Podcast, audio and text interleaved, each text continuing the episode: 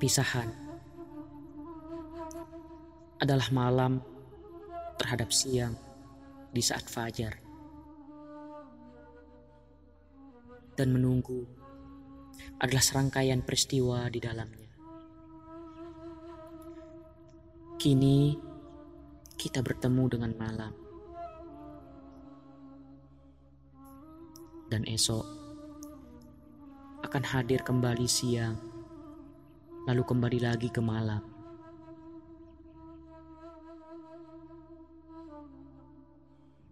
Begitulah hidup mengajarkan kita pada sebuah siklus yang harus kita terima sebagai sesuatu yang normal.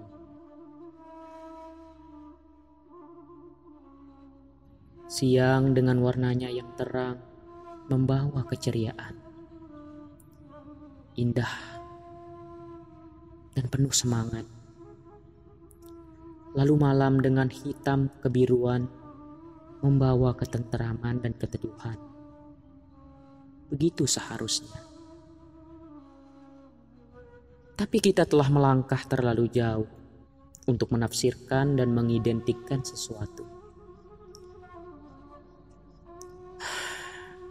Kita bukanlah lighting pada pertunjukan teater modern, di mana lampu terang dengan keputihan pada adegan-adegan yang menggembirakan. Dan warna kebiru-biruan menandakan keromantisan dan ketenangan. Lalu merah untuk adegan-adegan yang mencekam.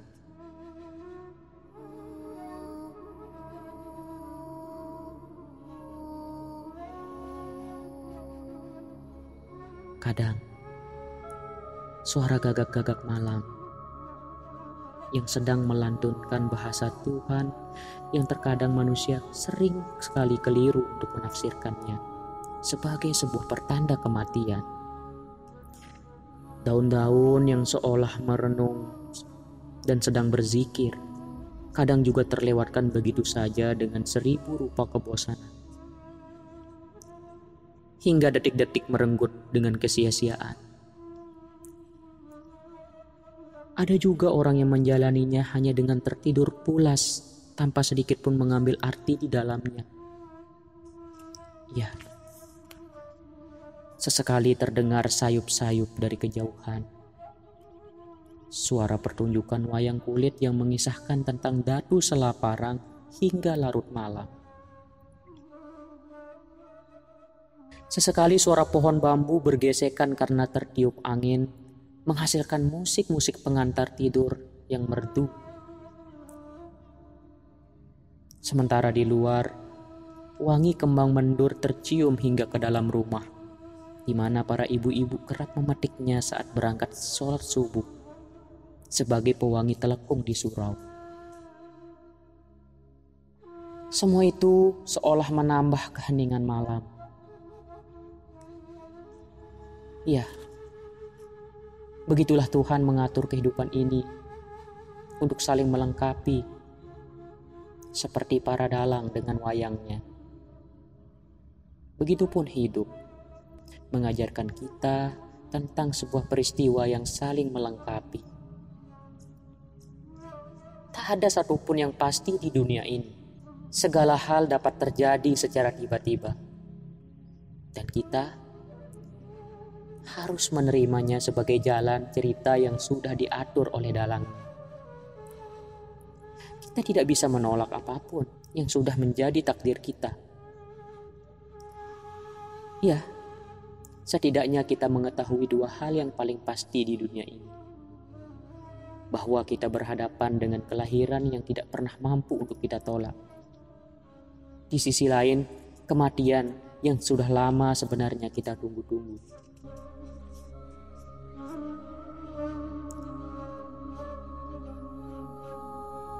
Mahyun memberanikan dirinya untuk memberitahukan kepada istrinya. Sebenarnya, sudah beberapa bulan ini ia merencanakan ingin memberitahukannya. Namun ia selalu saja mengurungkan niatnya karena ia takut. Takut tidak disetujui oleh Saimah istrinya. Apalagi dengan usia pernikahan mereka yang belum genap enam bulan.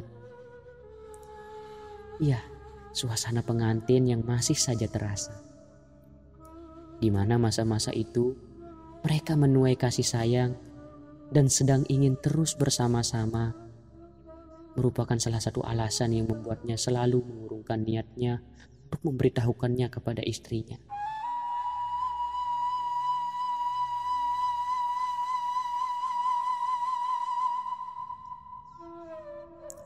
Akan tetapi, kondisi ekonomi yang semakin memburuk, ditambah lagi hutang yang ditanggungnya untuk melaksanakan adat pernikahannya itu membuatnya tidak lagi mampu untuk menolak keadaan. Kondisi ekonomi seperti itu tidak saja dirasakan oleh Mahyun dan Saimah. Tetangga-tetangga dan sebagian besar masyarakat lainnya mengalami kondisi ekonomi yang serupa.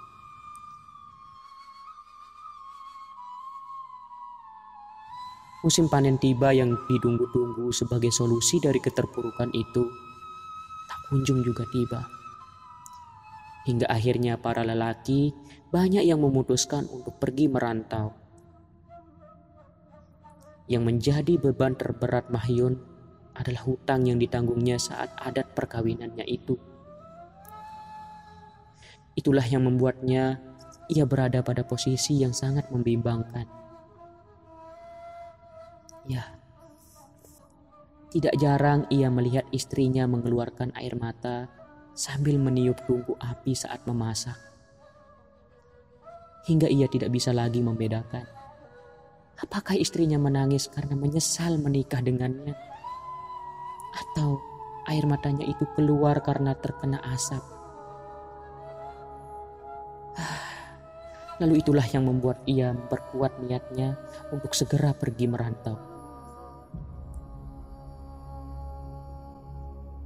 Seperti biasa, saat embun mulai terasa, kokok ayam mulai terdengar. Para ibu-ibu menyapu halaman dan para lelaki membakar sampah bekas sapuan istrinya. Sementara anak-anak baru saja bangun untuk segera mempersiapkan diri berangkat ke sekolah. Ya, sekolah yang tidak jauh dari kampung mereka. Sekolah yang dapat ditempuh hanya dengan berjalan kaki di sisi lain, para lelaki menyeruput kopi sambil membakar ubi di tengah kepulan asap, sembari sesekali bercanda gurau dengan para tetangga. Hanya itu yang bisa dilakukan oleh para lelaki, sementara menunggu musim panen tiba. Ya, merekalah lelaki yang memutuskan untuk tetap tinggal di kampung mereka. Sementara tidak sedikit pula yang mencoba menghindari kondisi itu dengan merantau keluar daerah seperti ke Kalimantan, Bali, dan banyak pula yang keluar negeri seperti perkebunan kelapa sawit di Malaysia. Atau banyak juga yang ke Arab Saudi. Sementara dari rumah terdengar anak-anak yang berdoa dan berteriak gembira karena di sekolah seperti biasa pada hari Senin dibagikan kue dan segelas teh. Iya, Memang saat itu adalah program pemerintah pusat dalam rangka meningkatkan gizi pada anak-anak. Suara tangis juga kadang-kadang terdengar dari sekolah dasar yang tidak jauh dari perkampungan itu. Beberapa guru dengan langkah terburu-buru dengan membawa rotan mencari anak-anak yang kabur dari sekolah karena takut disuntik oleh Pak Mantri. Pemandangan yang sudah tidak jarang terlihat pada hari Senin. Di tengah rutinitas itu, tak jarang Hasan meyakinkan Mahyun untuk menerima tawarannya untuk bekerja di Malaysia. Kalau begini terus, kita tidak akan maju hanya dengan kopi dan ubi. Ah, kau terima saja tawaran saya ini. Lagi pula, mumpung kamu masih muda dan kamu belum memiliki anak. Nanti kalau kamu sudah memiliki anak, kamu tidak bisa lagi ke mana-mana. Sembari kamu pelan-pelan melunasi hutangmu pada saya. Kehidupan ini memang berat. Dan kita selalu saja dihadapkan pada beberapa pilihan yang kadang cukup mengganggu pikiran kita. Terkadang pilihan-pilihan itu menari-nari dengan gemulainya. Kadang menyeringai dan mengejek kita pada kepengejutan kita yang tak mampu melakukan apa pun.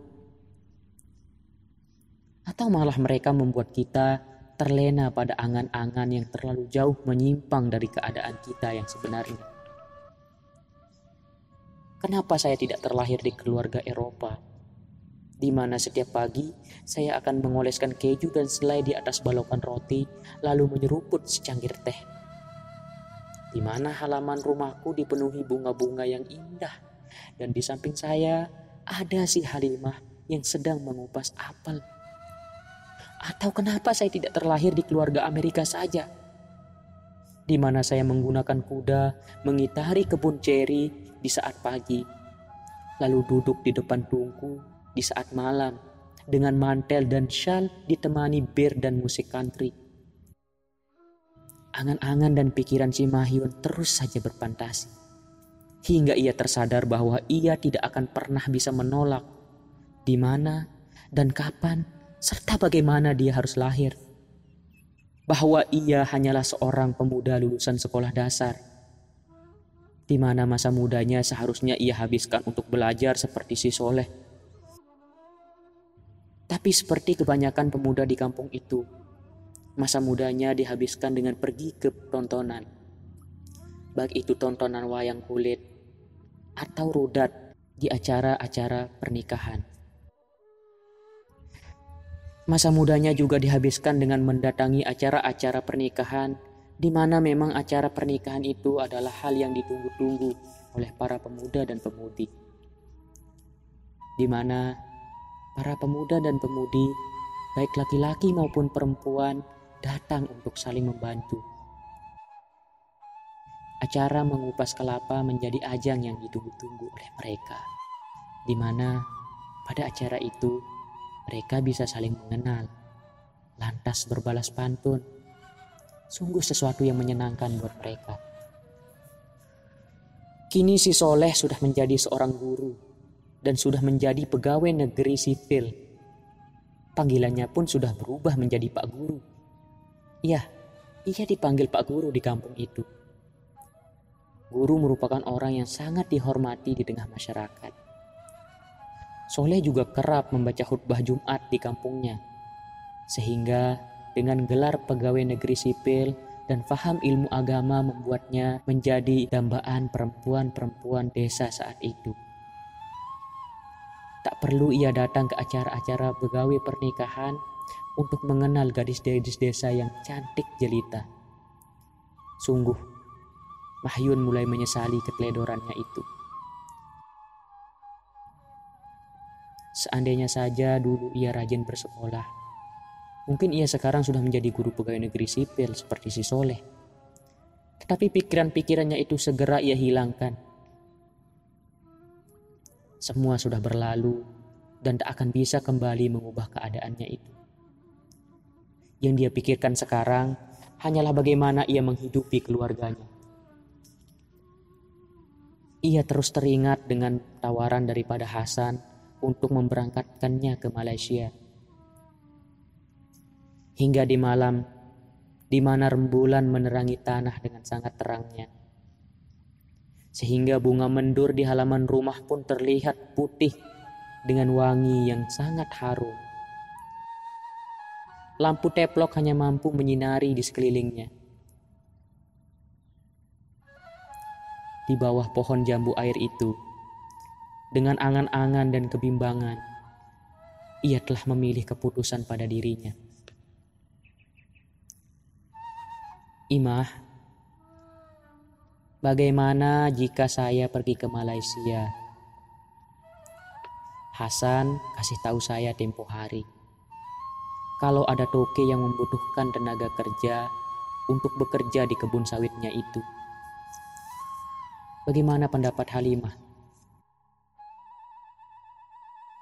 Tentu saja Imah terkejut mendengar keinginan suaminya itu. Kak, kita kan masih punya sepetak sawah peninggalan almarhum ayah. Untuk makan sehari-hari, kita bisa mencukupi dari panen padi yang sekali setahun itu, Kak. Nanti kalau musim panen tiba, kita bisa ambil upah kerja di sawah-sawah tetangga, Kak. Lagi pula, saya belum siap untuk ditinggal. Tapi Ima, kau kan tahu kalau dulu saat acara pernikahan kita untuk beli keperluan pernikahan semuanya itu saya hutang dari Haji Suhaili. Dari akad nikah hingga acara nyongkolan semuanya kakak hutang. Dulu saat saya hendak berencana menikah, ibu memang sudah berencana untuk menjual sepetak sawah peninggalan almarhum ayah. Tapi Haji Suhaidi melarang. Ia sudah berjanji pada almarhum ayah untuk memberikan pinjaman saat nanti saya menikah. Oleh karena itu, ibu mengurungkan niat untuk menjual sawah itu. Uang dari Haji Suhaili itulah yang kakak pakai untuk melengkapi semua biaya pernikahan kita dan semuanya itu dibiayai dengan uang pinjaman dari Haji Suhaili itu. Hanya mas kawin saja yang dulu kakak tidak hutang. Itu hasil saya bekerja di sawah-sawah tetangga tahun lalu.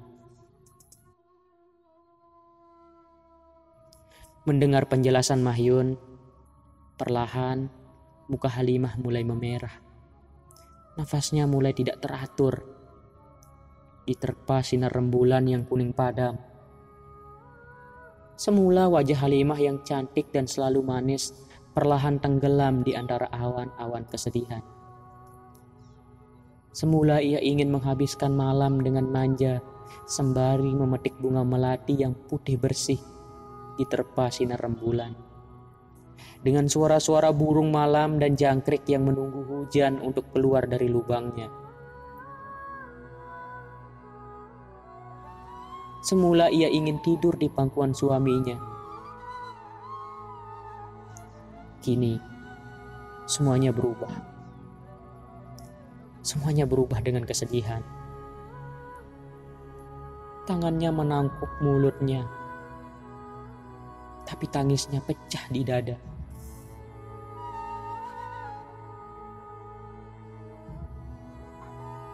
Usia pernikahan yang baru berumur enam bulan terasa begitu dini untuk Halimah merasakan sendiri.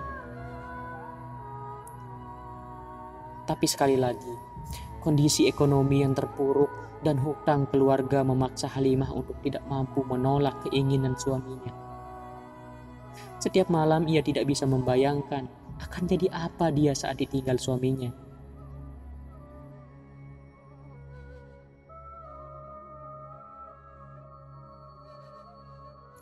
Perlahan, air matanya menetes di tengah pekatnya malam.